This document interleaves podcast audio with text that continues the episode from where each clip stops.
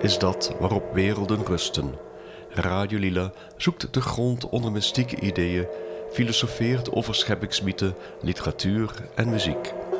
In gesprek met kunstenaars, wetenschappers en connoisseurs. Van het ondermaanse tot het bovenaardse, van de oudheid tot nu, scherpzinnig en luchtig, diepgaand en compact en voortdurend op zoek naar geestelijke rijkdom. Dat is Radio Lila. Dag allemaal, ik ben Marleen Schefferly en vandaag gaan we het hebben over tafelronde, een onderdeel van de internationale orde van de tafelronde. Tafelronde is een spirituele jeugdvereniging die gebruik maakt van eeuwenoude symbolen uit de verhalen van koning Arthur. En iemand die daar heel veel van af weet is Helene van Beuzenkom. En zij is naast haar baan als onderzoeker op de afdeling cardiologie in haar vrije tijd ook voorzitter van de Nederlandse afdeling van de Internationale Orde van de Tafelronde. Uh, in één woord ook wel hoofdridder genoemd. Welkom Helene. Dank je. Nou, we vragen aan het einde van onze show altijd uh, of mensen ideeën of opmerkingen hebben. En als het kan, gaan we daar ook uh, altijd mee aan de slag. En een paar maanden na de eerste uitzendingen van Radio Lila werd ik benaderd door een enthousiaste luisteraar. Die vroeg of we geen aandacht konden besteden aan uh, tafelronden. Omdat ze daar dus als kind heel veel uh, plezier aan had beleefd. En ja, ik reageerde natuurlijk meteen. Ik zei, dat is een heel goed plan. Uh, eigenlijk, en dat heb ik letterlijk opgeschreven, omdat het magisch bewustzijn van kinderen, dus wat mij betreft, in het reguliere onderwijs erg snel wordt afgeknepen. Terwijl eigenlijk daar juist een schatkamer van ideeën ligt. Hè? En uh, waar je ook de, eigenlijk de rest van je leven bijna inspiratie uit kunt putten. Dus uh, ja, ik, ik, was helemaal aan boord. Ik zei, uh, ik ben wat gaan rondvragen, maar er was online niet zo heel veel te vinden. En ik kwam steeds weer terecht bij de Nederlandse tafelronde. Dat is een soort netwerkclub voor mannen die nogal aan de weg ja. timmert. Kortom, het idee zakte een beetje weg. Tot ik jou dus deze zomer ontmoette. En uh, daarna ook nog tijdens een uh, verblijf op het uh, Internationaal um, Theosofisch Centrum. Um, dus van vrij heb ontmoet en ook van vrij dicht bij het zomerkamp daar heb meegemaakt. Nou, prachtig kamp, echt uh, opgezet in het bos. En uh, waar ondanks de toen echt vreselijke regen. Dus iedereen, jong en oud, uh, altijd een goed humeur had. Ja, want als je zegt die vreselijke regen, dan heb ik echt geen heldere herinnering aan. Nee. Ik heb vooral herinnering aan de prachtige momenten die je samen hebt. Ja, mooi. Ja, nou ja, ik, ik gaf net ook al even een beetje aan uh, dat het best moeilijk was om informatie te vinden. Hoe ben jij zelf ooit met de tafelronde in contact gekomen? Ja, dat is een familiedingetje. Okay. Mijn vader was lid. Die is, toen hij in begin twintig was, heeft hij vanuit de Theosofische Vereniging kennis gemaakt met tafelronde. En is toen ook lid geworden. En ja, hij is altijd bezig gebleven of betrokken gebleven bij tafelronden. Uh, hij werd ook um, tafelridder van een, een, tafel in het noorden. Ik kom uit het noorden. Uh, onze tafel heet, heette het Noorderlicht. Oh, wow. En ja. um, weet je, zolang als ik me kan herinneren, kom ik al op het ITC. Mijn broer is wat ouder dan ik. En ik kan me herinneren als heel klein meisje haalden wij soms mijn broer op van het zomerkamp. Oké. Okay. En um, ik zat, ik, ja, ik kwam dan met mijn ouders mee en, en dan kwam je in dat heerlijke bos.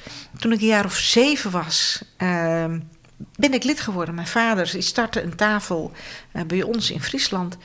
En toen werd ik tot paasje gewijd. En ik vond het magisch. Ja. Mijn zusje was al een tijdje lid, maar uh, ja, die, die ging niet zo naar die kampen als mijn Nee. broer. Maar toen ik één keer zo oud was, toen gingen we met z'n drieën. Dat is geweldig. Ja. Dan heb je een kamp, een zomerkamp. Ben je daar een week, je wordt weggebracht. Uh, je logeert met z'n allen in tenten. Je maakt vriendjes en vriendinnetjes. En zonder je ouders Ja. heb je daar een week feest. Ja, geweldig. En daar heb ik zoveel goede herinneringen aan. Vriendschappen voor het leven gesloten. Ja, ja, Dat zijn mensen die ik al meer dan 50 jaar diepe, diepe vriendschap mee heb. ja. Omdat je lief en leed met elkaar hebt Omdat je gedeeld. dat gedeeld hebt op Ja. dat moment in je jeugd. En er iets, omdat je iets speciaals met elkaar deelt. Kijk, de tafelronde, je zei al, iemand had jou erop geattendeerd vanwege dat magische aspect. Precies. En dat is ook magisch. Je hebt kaarsjes, die mag je aansteken. En er wordt met wierook vaten gezwaaid. En mijn vader die, eh, die was actief in de kerk. En dan had een kerk op zolder waar hij dan... eh, nou ja, een, een altaar en er werd van alles gedaan. En dan, papa, ik wil ook op het altaar staan. Ja, ik, wil, ja. ik wil misdienaartje worden. Ja, oh grappig. Maar dat ja. mocht niet, want ik Ja. was een meisje. Oh, Toen dacht ik, nou weet je wat, dan wil ik daar ook niks mee te maken hebben. En ik heb tafelronde en daar doe ik er wel toe. Ja, dat is, dat is toch bizar. Eh, we gaan even, even die, naar de geschiedenis kijken. Ja. Eh, want eh, ja, dat mensen ook een beetje een beeld krijgen hè, wa- wat, waar het uit ontstaan is. Ehm, dus ja, wat zijn de achtergronden? Hoe is de vereniging ontstaan en wanneer ongeveer? Want het is, het is begonnen in Londen, hè? Het is, ehm, ja, het is begonnen in Londen. Het, we zijn al behoorlijk oud. De, tafelronde, de eerste tafelronde is eigenlijk in 1908 gestart ja. door Herbert White. En Herbert White was eh, een lid van de Lotusgroep. Dat was een groep jongelui vanuit de Theosofische Vereniging... die met elkaar een soort praatgroep hadden. En ehm, daar heeft hij zich... In, hij was er zelf als kind of als jong, jonge man actief in. Heeft, zich, ehm, heeft daar veel van genoten. eh, maar wilde daar een, iets andere vorm aan geven. En heeft toen eh, nagedacht over tafelronden. Een vereniging, je noemde het al een beetje, die geïnspireerd is door de verhalen van koning Arthur en zijn tafelronde. Die ook strijden voor het goede en zoeken naar het goede in de mens. Een, een hele niet-hierarchische structuur in feite, want je zit met z'n allen rondom die tafel. Ja. Je bent allemaal gelijk. Ja. Dat is denk ik voor mij een heel belangrijk aspect. Ehm, we, zijn niet, we zijn allemaal gelijkwaardig. We zijn niet allemaal gelijk, Ja. maar we zijn wel gelijkwaardig. Onafhankelijk van waar wij staan in onze ontwikkeling. ja. En eh, dus 1908 is dat dus in, eigenlijk in Londen ontstaan. Nederland is vrij snel gevolgd.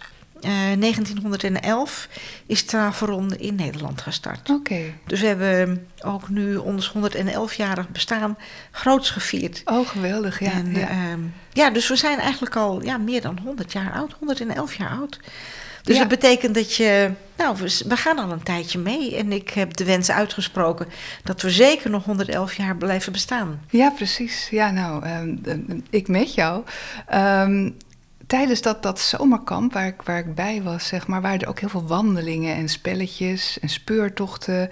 En er was een soort griezelavond in het bos, kan ik me Ja, nog goed herinneren. Want daar ja. werd ik echt voor gewaarschuwd. Als ze gaan gillen vanavond, niks aan de hand. Het is een soort weerwolfspelletje. Ehm, waarin verschilt de tafelronde eh, van de traditionele padvinderij? Dus in hoeverre is tafelronde een soort spirituele scouting? Ah, nou dat is een moeilijke vraag. Eh, ik ken scouting zelf niet heel erg goed.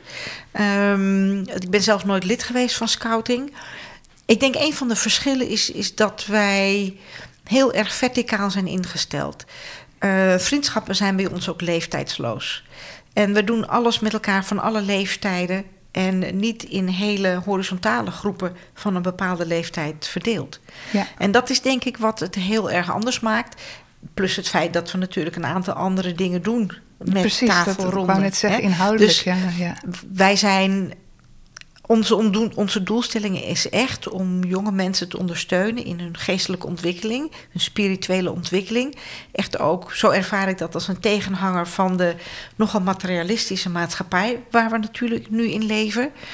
Ehm, en dat is iets waar je echt aandacht voor hebt, Ja. waar je bij je op allerlei manieren nou, anders leert kijken naar de wereld. En niet ehm, iemand beoordeelt aan de buitenkant, maar Ja. echt op zoek gaat naar wat zit er aan de binnenkant van iemand. Ja, en ook niet alleen maar bezig zijn met survival natuurlijk. Wat Nee. die, waar die padvinderij meer op geënt is misschien. Hè? Nee, wij zijn heel erg sociaal op, met elkaar, so- heel sociaal ingesteld. Ja. Ehm, dus leeftijdsloos met elkaar Ja. samen activiteiten ondernemen. Uh, omdat, nou, het is als de Fabeltjeskrant. Die was zo leuk, zowel leuk voor de kleine kinderen als voor de vaders en de moeders en de opa's en oma's. Omdat er zoveel verschillende lagen van verdieping in zitten. Dat iedereen vindt er wel wat in. Of je nou vijf of zes bent, of dat je nou tachtig of negentig bent. Je vindt nog steeds, kun je daar uh, inspiratie uit putten, uit wat wij met elkaar doen. Want is er ook een uh, link met de vrijmetselarij? Uh, die hebben ook ceremonieel werk, zeg maar. Die zijn ook niet gelovig, uh, op zoek naar broederschap. Uh, die willen ook een beter mens worden, is ook de symboliek. Ja, um, er zijn uiteraard altijd wel connecties. Uh, zowel de tafelronde als de, in ieder geval de volgens mij de gemengde vrijmetselarij ja. nog, nogmaals, ik zit niet zo in de vrijmetselarij. Nee, nee, nee. Uh, maar ze zijn wel. Ze komen wel uit. Ze hebben wel een soort gelijke ondergrond. Ja, precies. Kijk, we zijn uiteindelijk uh, ontsproten uit de Theosofische Vereniging. Maar zijn al heel snel een zelfstandige, onafhankelijke vereniging geworden. Ja, okay. Maar we hebben in zekere mate wat wortels. Ja in de Theosofische Vereniging. En zo zit dat ook met de Vrij-Katholieke Kerk. Ja, dat is ook bijvoorbeeld. Dus dat is wel connectie. iets wat ons bindt. En eh, omdat wij zeker in Nederland allemaal op hetzelfde terrein actief zijn, ken je elkaar ook. Ja. In ieder geval de Vrij-Katholieke Kerk. Ja. Um, zijn, zijn we nou bij betrokken?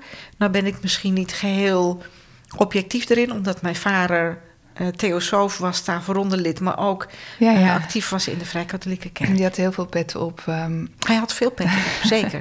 um, ik zit even te kijken, want die veel religieuze uh, organisaties hebben jeugdgroepen waar het wel de bedoeling is dat je bepaalde overtuigingen uh, gedeeld worden. Maar jullie hebben echt geen geloof. Hè? Dat is misschien ook wel goed om even helder te stellen. Ja, we hadden vroeger een, een tijdschriftje, daar stond in dat wij. Uh, geen geloof aanhangen, maar liever ze eigenlijk alle omvatten. Ja, Want ja. uiteindelijk zijn we allemaal hetzelfde.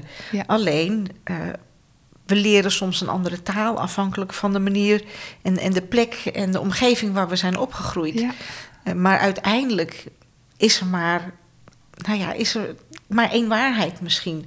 Alleen, je kunt het van veel kanten benaderen. Denk aan de Januskop. Of überhaupt, zet een object neer op tafel. Jij zit aan de andere kant van de tafel.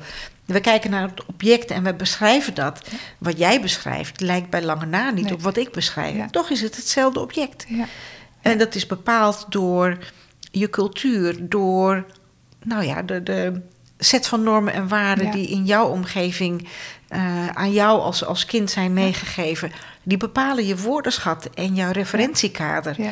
En ik denk wat wij willen is proberen dat referentiekader op een, nou ja, je zou bijna kunnen zeggen, een, hoger abstractieniveau te brengen, waardoor je eigenlijk allemaal wat kunt vinden daarin. En daarom zijn die symbolen, je noemde het al in het begin, hè? Ja. eeuwenoude rituelen, symbolen. Een symbool is heel krachtig, Ja. omdat het veel meer bevat dan de woorden maar we- waarmee wij het kunnen beschrijven.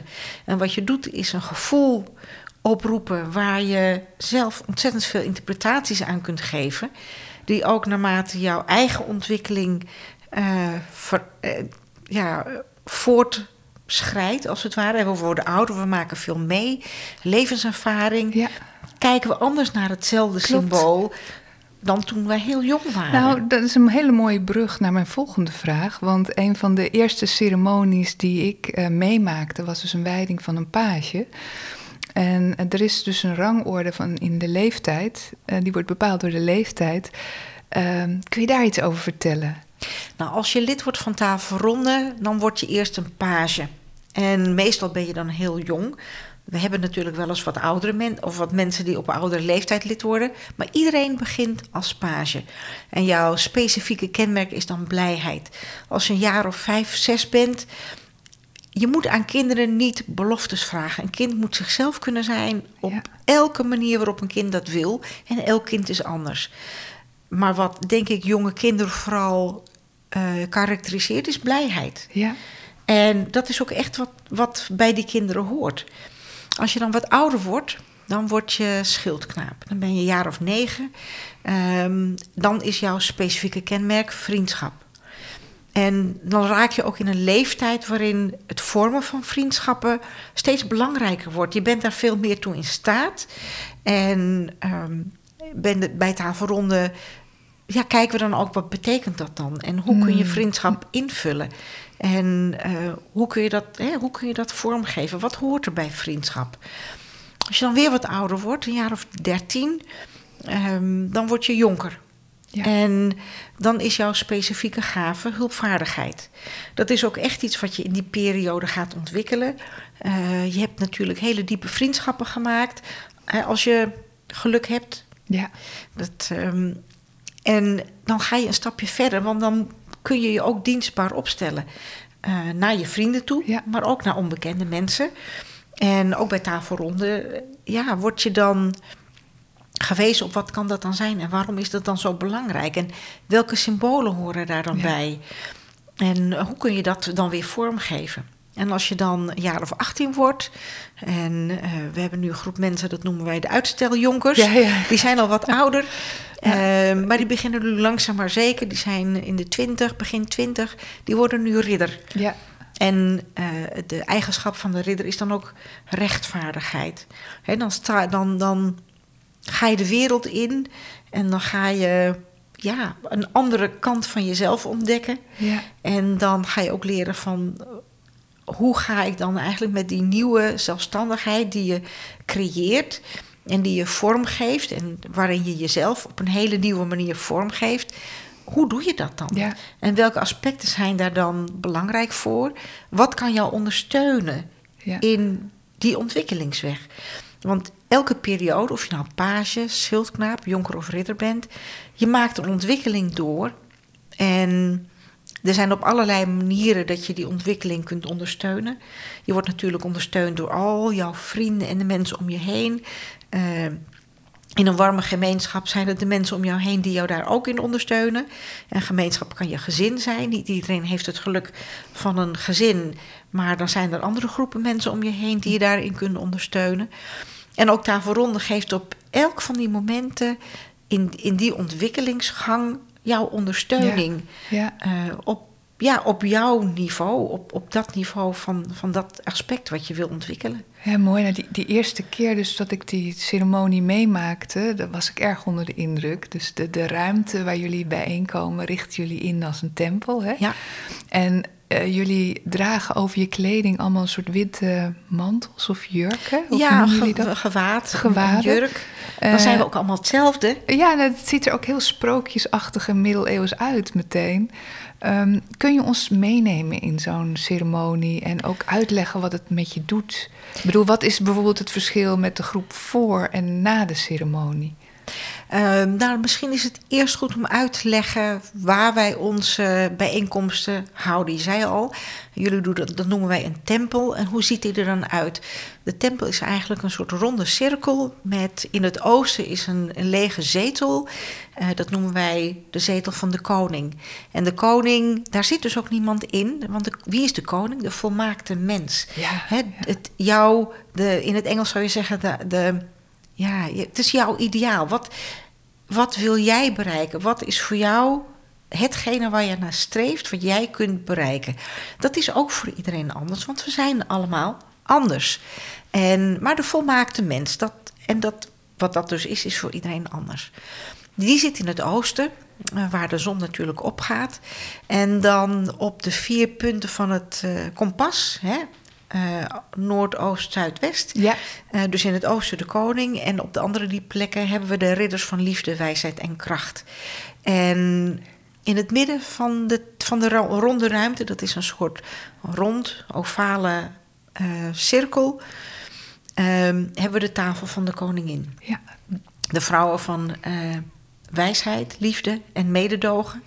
En dat is, zou je kunnen zien als, als er zijn vele manieren waarop je dat kunt interpreteren. En ik zie het als de pin waarop het kompas kan draaien. Ah. En dat ja, is in feite ja. het, het, centrum ja. uh, van het geheel. Heel belangrijk. Ja. En daar binnenin zitten wij met z'n allen. Tussen de ridders, de koning, de ridders van liefde, wijsheid en kracht. En uh, daar binnenin speelt het spel zich af dat wij met z'n allen voeren. Ja. Eh, je kunt het zien als een, een spel, je kunt het een ceremonie noemen, je kunt het een ritueel noemen. leuk dat je het een spel noemt, want het is ook heel ontspannen. Nou, weet je, we zijn voor kinderen. Het moet ontspannen Ja, zijn. Het moet vooral voor de jonge kinderen heel eenvoudig te begrijpen zijn. Ja. En de taal die wij gebruiken, inmiddels eh, wordt het, want we zijn al 111 jaar Ja, oud, ja. Is het niet meer de spreektaal van de jeugd. En wordt het lichtelijk archaïs, zou je kunnen noemen. Dat geeft tegelijkertijd ook iets heel sprookjesachtigs Ja. aan. Hè? Wat mij als, als kind zo trof, was de, mag, de, de magie Ja. van het mogen zijn in zo'n ruimte, maar je er wel toe deed. Als wij met z'n allen zo'n spel uitvoeren, dan hebben we vaak en dan een ceremonie, dan heb je een onderwerp. Mhm. En dat kan bijvoorbeeld zijn de bloemenceremonie, waarbij je het hebt over wat is een bloem en hoe ontstaat een bloem en Ja. hoe komt die tot bloei en hoe geeft die bloem uiteindelijk zichzelf en verwoordt weer tot het niets. Ja, ja. Of het al. Ja. Het niets of het hal. Of het vol en ledig is ook zo'n mooie ehm, ehm, schijnbare paradox. Maar eigenlijk is het allesomvattend. ja. En die cirkel van het ontstaan, het, het worden tot iets en het vergaan Ja. tot het niets, waarin weer, het weer opgaat in het geheel. Dat is eigenlijk een gang die je altijd door die tempel maakt. Ja. Ehm, ik zei al, we hebben het, het, het oost, het zuid, het west en het noord. Ja. Dat En dat- kan je zien als een, ja, een cirkelgang. Als je door die tempel loopt, dan kom je dus door al die plekken. Je zou het kunnen zien als een dag in het leven van. Ja. Want de zon komt op, hij gaat naar het hoogste punt en dan zal hij weer dalen totdat de zon ondergaat. Ja. En vervolgens gaat hij weer op. En zo heb je een dag Ja. gedaan. Maar je zou het ook kunnen zien als een reflectie van het universum waarin wij ons bewegen. En ehm, het mooie van het elke keer door die tempel gaan is die ontwikkeling die je maakt.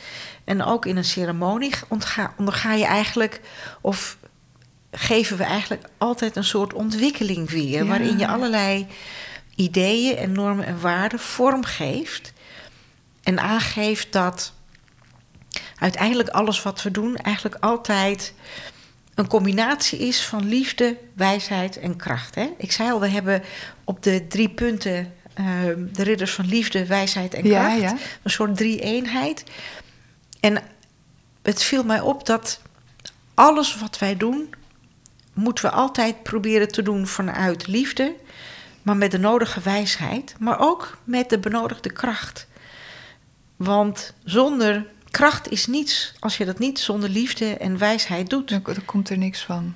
Nee, en ook liefde bereikt niets als je het niet met wijsheid en met kracht vormgeeft.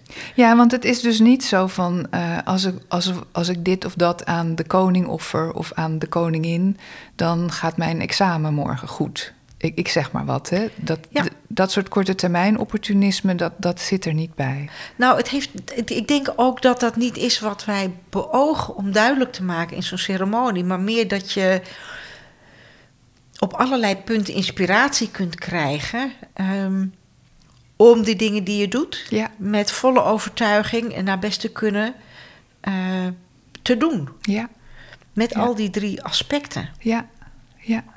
Hè, en ehm, eh, als jij page wordt, dan krijg je een blauwe kraag. En een van de eerste dingen die we dan ook duidelijk maken is dat die kraag heeft dezelfde kleur als het blauw wat wij op de zetel van de koning, hè, die Ja. plek van de volmaakte mens, eh, draperen om het mooi te maken. En om aan te geven, dat is in feite een, een soort symbool van de. Nou, kijk omhoog en je ziet hoog en je ziet een donkerblauwe lucht. En eh, de enorme blauwe, de enorme ruimte om ons heen. En als je page wordt, dan heb je diezelfde kleur blauw om je schouders. En dan zeggen we ook, zo zijn we allen deeltjes van het ene leven. ja. Want wij zijn allemaal één en het leven is één. Denk aan een ehm, kring van paddenstoelen. Ja. Je hebt één paddenstoel en die ene paddenstoel kun je plukken. Maar die paddenstoel is eigenlijk verbonden met een enorm groot geheel. Een deel van het ene. ja. En zo zijn we allemaal unieke deeltjes van het ene leven. Hoe was het, eh, als kind heb jij deze ceremonies ook meegemaakt. Ja. Hoe heb je dat ervaren? Hoe, hoe eh, kwam dat op je over toen? Oh, ah, magisch. Ja, ja. Dat is één woord, magisch. Ehm, Want dat, dat magisch bewustzijn is nog heel actief natuurlijk als je zo klein bent. Dan pak ja, je dat meteen op. Misschien wel nooit overgegaan. Nee, nee. Maar ehm, ja, ik vond het heel magisch. Met al die kaarsjes en het idee dat je met z'n allen één bent. En, en een, een, een soort broederschap vormt. Dat is natuurlijk nu niet meer een hele inclusieve term. Nee, nee, nee. Ehm, nee, klopt. En we zijn er wel over aan het nadenken. Ik ben in ieder geval heel erg over aan het nadenken hoe wij naar deze tijd kunnen komen. Ja. Want wat wij willen is dat wij open zijn voor iedereen. Het leuke van tafelronde is dat je mag zijn wie jij bent. En je wordt nooit aangekeken Ja, je wordt volledig geaccepteerd. Je mag Maar- zijn wie jij bent. Wat, wat me wel erg opviel, is die teksten liggen helemaal vast. En ze worden ook voorgelezen. En de Ja. handelingen hebben allemaal een precieze volgorde. In hoeverre is er ruimte voor improvisatie? Oh, dat is er altijd. Ja, Eh, in de zin van, eh, natuurlijk, we hebben bepaalde ideeën die wij willen voor binnen zo'n ceremonie, binnen zo'n zo'n spelvorm voor het voetlicht willen brengen. En die aspecten willen we graag benoemen. En als je een keer een ander woord gebruikt, is dat verder geen punt. En er zijn ook echt ceremonies waarin wij juist vragen aan jou om iets heel specifieks, iets heel eigens te geven. Hmm. Ehm, waarbij je jezelf een aspect van jezelf kunt benaderen waar jij bijvoorbeeld in de komende periode aandacht aan wil geven. ja. En dat is dan, ja, je kunt het improvisatie noemen. Ik noem dat meer misschien een stukje van jezelf kunnen laten zien op een hele veilige plek. ja. Nou, ik, ik vraag het me ook, want deze zomer vertelde een ridder me ook ehm, dat ze erover dachten dus om een aantal controversiële bewegingen aan- in de ceremonie aan te passen, die echt uit een andere tijd stamden, zeg maar. Maar die choreografie was ooit vastgelegd door ehm, professor van der Stok. Die, hij was ehm, vrij katholiek, theosoof en ziener. En daar viel dus moeilijk aan te tornen. Dat is wat ik ervan begreep. Hè? Ja, Eh, ik- maar met, met andere woorden ook. Moet je juist wel of juist niet met je tijd meegaan eigenlijk met ceremonies? Moet Ja. het juist niet hetzelfde blijven? Ja en nee. Ehm, ik had toevallig gisteren een heel mooi gesprek met de hoofdridder van Engeland. Ehm, en hier hadden we het over. Hmm. En ehm, ik denk dat het heel belangrijk is dat we meegaan met de tijd. Eh, juist omdat wij open en eh, verwelkomend en, en inclusief willen zijn. En juist die diversiteit die ons eh, karakteriseert, daar de ruimte voor geven. En ik denk wat jij zegt, ik ervaar dat en interpreteer dat heel anders. Ehm, van der Stok, we zijn ooit begonnen met, met ceremonies die vanuit Engeland zijn gemaakt door mensen. En eh, ook als je luistert of, of leest de verhalen die Van der Stok vertelt over ceremonies. Ehm, dan zegt hij ja, soms moeten we dingen uitproberen en kijken wat goed voelt. En ik denk dat omdat de tijd nu veranderd is, ehm, dat wij mee moeten gaan met de tijd. De- het is van alle tijden dat er verschillende ceremonies zijn gemaakt en dat er bepaalde gebaren eh, bij een bepaalde Ja, tijd ja. horen. En nu niet meer. Ja, En ik denk, we zijn het er allemaal over eens dat dingen moeten anders zijn. En dat kan ook prima. ja, Dus ik denk, die starheid zit in sommige mensen. Maar Ja, die zit precies. niet in, in ons. En die is. En ook van der Stok die vond dat je dat dingen niet in cement gegoten Nee. waren en dat je dat moet aanpassen. ja. En ja, hij zag dingen, ervoer dingen. Eh, maar dat is niet een zwart-wit en een absoluut. Want alles wat wij zien en voelen en ervaren en interpreteren. eh, wordt enorm gekleurd door de Ja. tijd waarin wij leven. ja. ja. En als hij nu zou leven, dan zou hij dingen vast en zeker anders zien. Zou omdat hij, ja. hij anders was opgegroeid en ook een ander referentiekader had. Ja. En dus nee, we zijn helemaal niet zo in, in, in steen gebeiteld. Nee. En Nee, zelfs als je een steen hebt, dan kun je met je beitel er alsnog een andere vorm aan geven. Nou, het is meer ook, ook, want een ceremonie moet natuurlijk ook min of meer vast liggen. Anders is het weer geen ceremonie misschien, toch? Dan, Ja, dat klopt. Eh, Betekent niet dat we niet nieuwe ceremonies kunnen maken. precies. Want ja, wij hebben ja. elkaar ehm, heel bewust ontmoet tijdens een, een workshop op het ITC, Ja. waar wij een openbare ceremonie hebben gehouden. En die ceremonie die heb ik met wat mensen speciaal voor jullie gemaakt. Dat was een hele Ah, nieuwe ceremonie. Wel gebaseerd op de vormen die er al Oh, waren. Ja. Maar eh, wij wa jullie waren een hele Ja. grote groep mensen. En wij waren Allemaal volwassenen hele. Ja, dat, de bezoekers waren Waar- allemaal ja. volwassen. Klopt. En het zag er naar uit dat we een hele kleine groep tafelronde mensen waren. En wat ik niet wilde, dat is dat er een heel veel mensen om ons heen zaten en naar ons zaten te kijken. Maar wat ik juist graag wilde, is dat iedereen kon ervaren persoonlijk. Ja. Wat is dat nou, tafelronde? En wat doe je nou eigenlijk? En dus die ceremonie hebben we speciaal voor jullie leuk, gemaakt.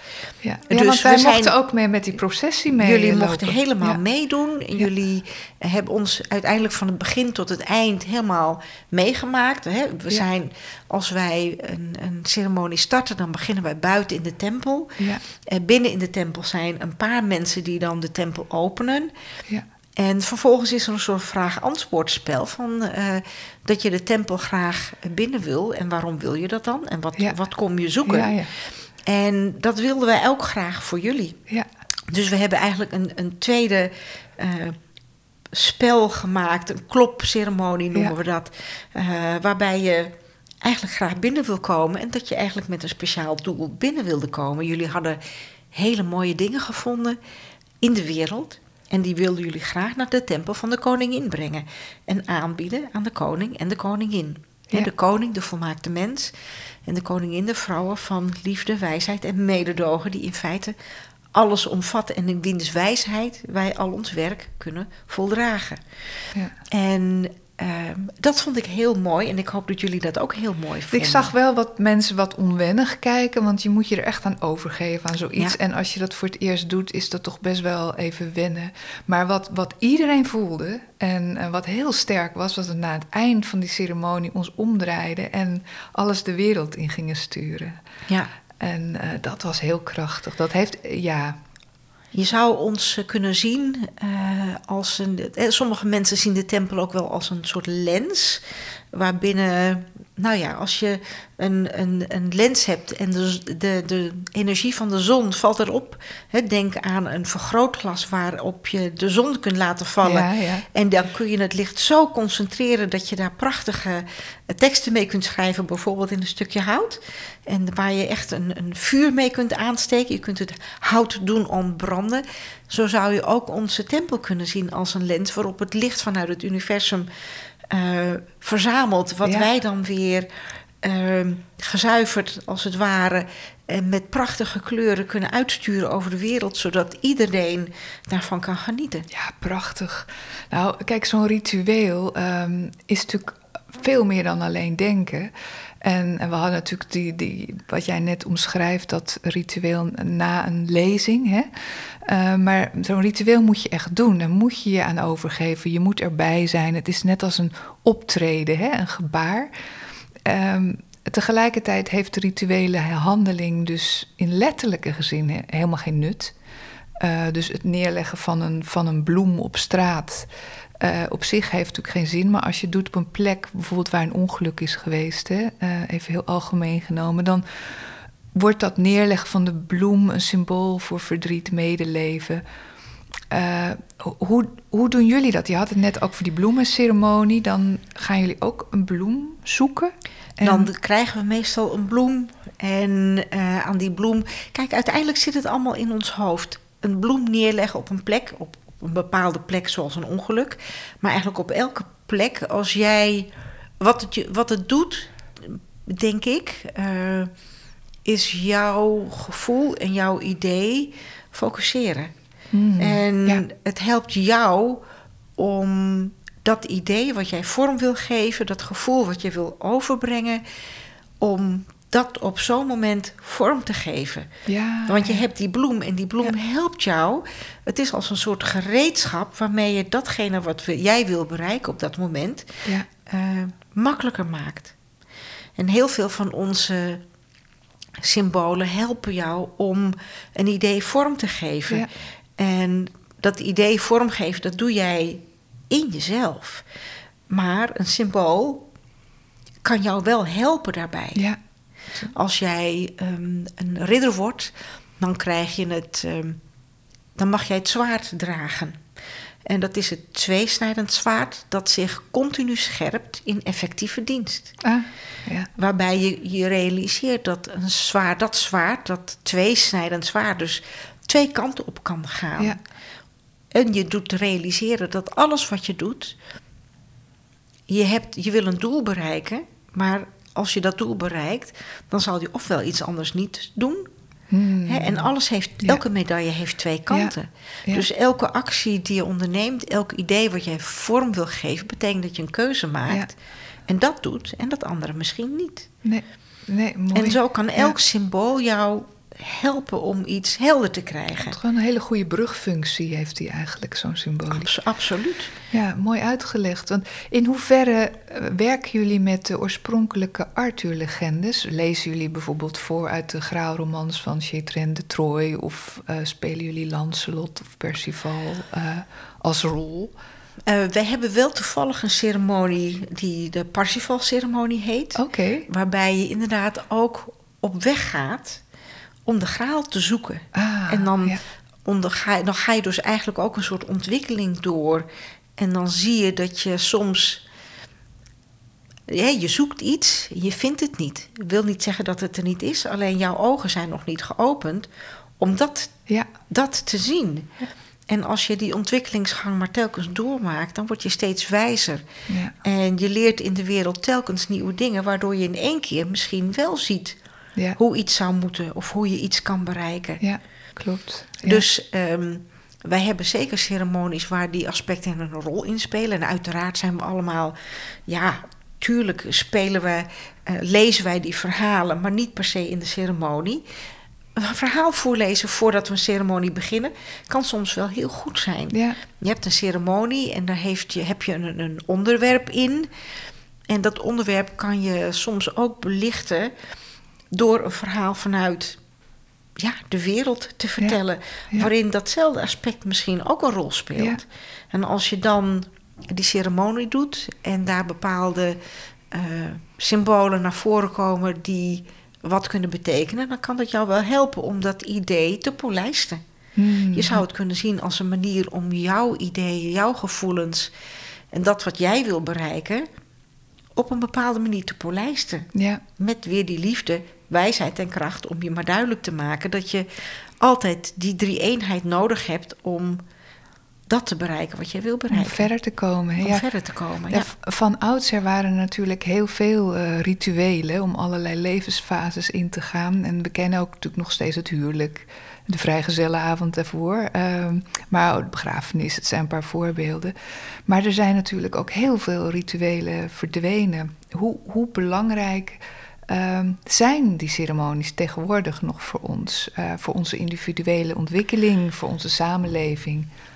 Ehm, dat kan ik vooral uit persoonlijk oogpunt vertellen. Voor mij blijft het belangrijk. Eh, elke ceremonie legt de nadruk op een ander stukje. En zelfs al is het een ceremonie die in, in eenvoudige taal wordt eh, gebracht, omdat het voor de, vooral voor de kinderen eh, begrijpbaar en bevatbaar en hanteerbaar moet zijn het blijft je altijd inspireren en jou dingen laat. En het laat je altijd dingen zien ehm, die je kunt gebruiken in je dagelijkse leven. En zelfs al denk je van, nou, zo'n ceremonie, ach, wat heb ik eraan? En ik doe er eigenlijk in mijn dagelijkse leven niks mee. Eh, we hadden een ontzettend leuke activi- activiteit een tijdje terug. ehm, waarbij we eerst met z'n allen gingen nadenken over, nou, waar ben je nou de afgelopen periode heel erg mee bezig geweest? Wat houdt jou bezig op dit moment? Dat kan iets moois zijn, dat kan iets minder moois zijn. En dat gingen we met elkaar, met, met, met z'n tweeën bespreken in tweetallen. En vervolgens pakten wij blind een van de ceremonies op die we regelmatig doen. Echt blind. Hè? Dus niet met voorbedachte raden eentje pakken. En de opdracht was: kijk nou eens naar die ceremonie en naar die dingen die worden gezegd. En kun je daar eigenlijk inspiratie in vinden die je zou helpen om dat aspect anders te benaderen? En zonder uitzondering had een ieder van ons een ceremonie te pakken waar die zinnen uithaalde, um, concepten uit kon destilleren die heel erg inspirerend waren voor hoe je dat ding waar jij mee bezig was geweest, eigenlijk kon benaderen, bekijken, analyseren. Mm. Dus ja, weet je, voor mij blijft het mooi. Kijk, ik, ik word er ook heel blij van om met z'n allen zo'n zo'n ceremonie te doen. Ik heb daar ook wel eens over met, met de andere leden, met mijn dochters. Hè. Ik heb twee dochters, zijn ook allebei lid. Ehm, je zou het kunnen zien als yoga of een meditatie. Maar een yoga of een meditatie doe je vaak in jezelf, in je eentje. Maar in een ceremonie doe je het met z'n allen. Ja. En het, het schept ook een enorme band. Mooi. Om met z'n allen zoiets te doen. Mooi, het heeft een heel universele wijsheid zit er natuurlijk achter. Nou, dat is wel het idee. Zo zijn ze natuurlijk ook gemaakt. Um, het zal natuurlijk ook voor iedereen wel weer anders zijn. Omdat ik denk dat mensen ook die uh, geïnteresseerd zijn en denken van nou dit spreekt me wel aan. Uh, ik wil hier meer van weten, want dit gesprek heeft natuurlijk maar echt een, een tipje van de sluier opgelicht. Dus uh, wij zullen een knop bijvoegen waar je op kunt klikken en dan kom je bij, de, bij jullie webpagina uit. Um, uh, want ja, we moeten stoppen, dus we zetten ah, al aan de tijd. Waar? het gaat dus. en we hebben nog niet de half verteld van wat er moet verteld of verteld zou kunnen worden. Dit is goed voor nu. Ja. Um, jij hebt nog een inspirerend tekstfragment uitgezocht waar we mee kunnen eindigen. Dus uh, ik wil je alvast ontzettend bedanken voor, voor je bijdrage hier. En we eindigen met deze mooie ja. tekst van jou. Nou, en dan voordat ik dat ga doen, wil ik jou heel hartelijk danken voor de uitnodiging en het heerlijke gesprek met wat ik met jou heb kunnen voeren. En de gastvrijheid waarmee je mij hebt ontvangen. Um, dus. Um, wat is het voor tekst? Even het heet De Ware Ridder. En dat is geschreven door Annie Besant, die een van de uh, eerste mensen was die bij tafelronde betrokken was. Zij heeft, samen, zij heeft Herbert White enorm ondersteund om tafelronde vorm te geven. En heeft een van de eerste ceremonies ook voor ons geschreven. En het heet De Ware Ridder. Oké. En De Ware Ridder. De Ware Ridder is sterk, moedig, eerlijk, teder, hoffelijk en zelfbeheerst. Hij heeft nooit de hand op tegen zwakkeren bevoordeelt zich niet ten koste van anderen, spreekt geen kwaad van afwezigen en is nooit ontrouw aan een vriend. Eer is zijn wachtwoord en zachtheid zijn sieraad. Hij is hulpvaardig en toegeeflijk, voornamelijk jegens zwakkeren, zonder vrees in gevaar, vol medelijden voor hem die overwonnen is, vergevende wie hem kwaad doen en vriendelijk voor kinderen en dieren. En deze tekst, tekst zegt eigenlijk alles waar wij voor staan. En geeft je ook meteen nog maar eens weer waarom je en liefde en wijsheid en kracht nodig hebt om alles wat je wil doen goed te doen. Weer bedankt voor het luisteren.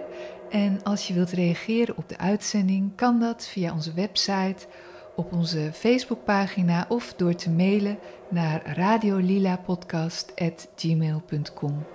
Voor alle vragen of opmerkingen over de behandelde thema's of andere zaken, of als je ideeën hebt voor onderwerpen, laat het ons weten via www.radiolila.nl.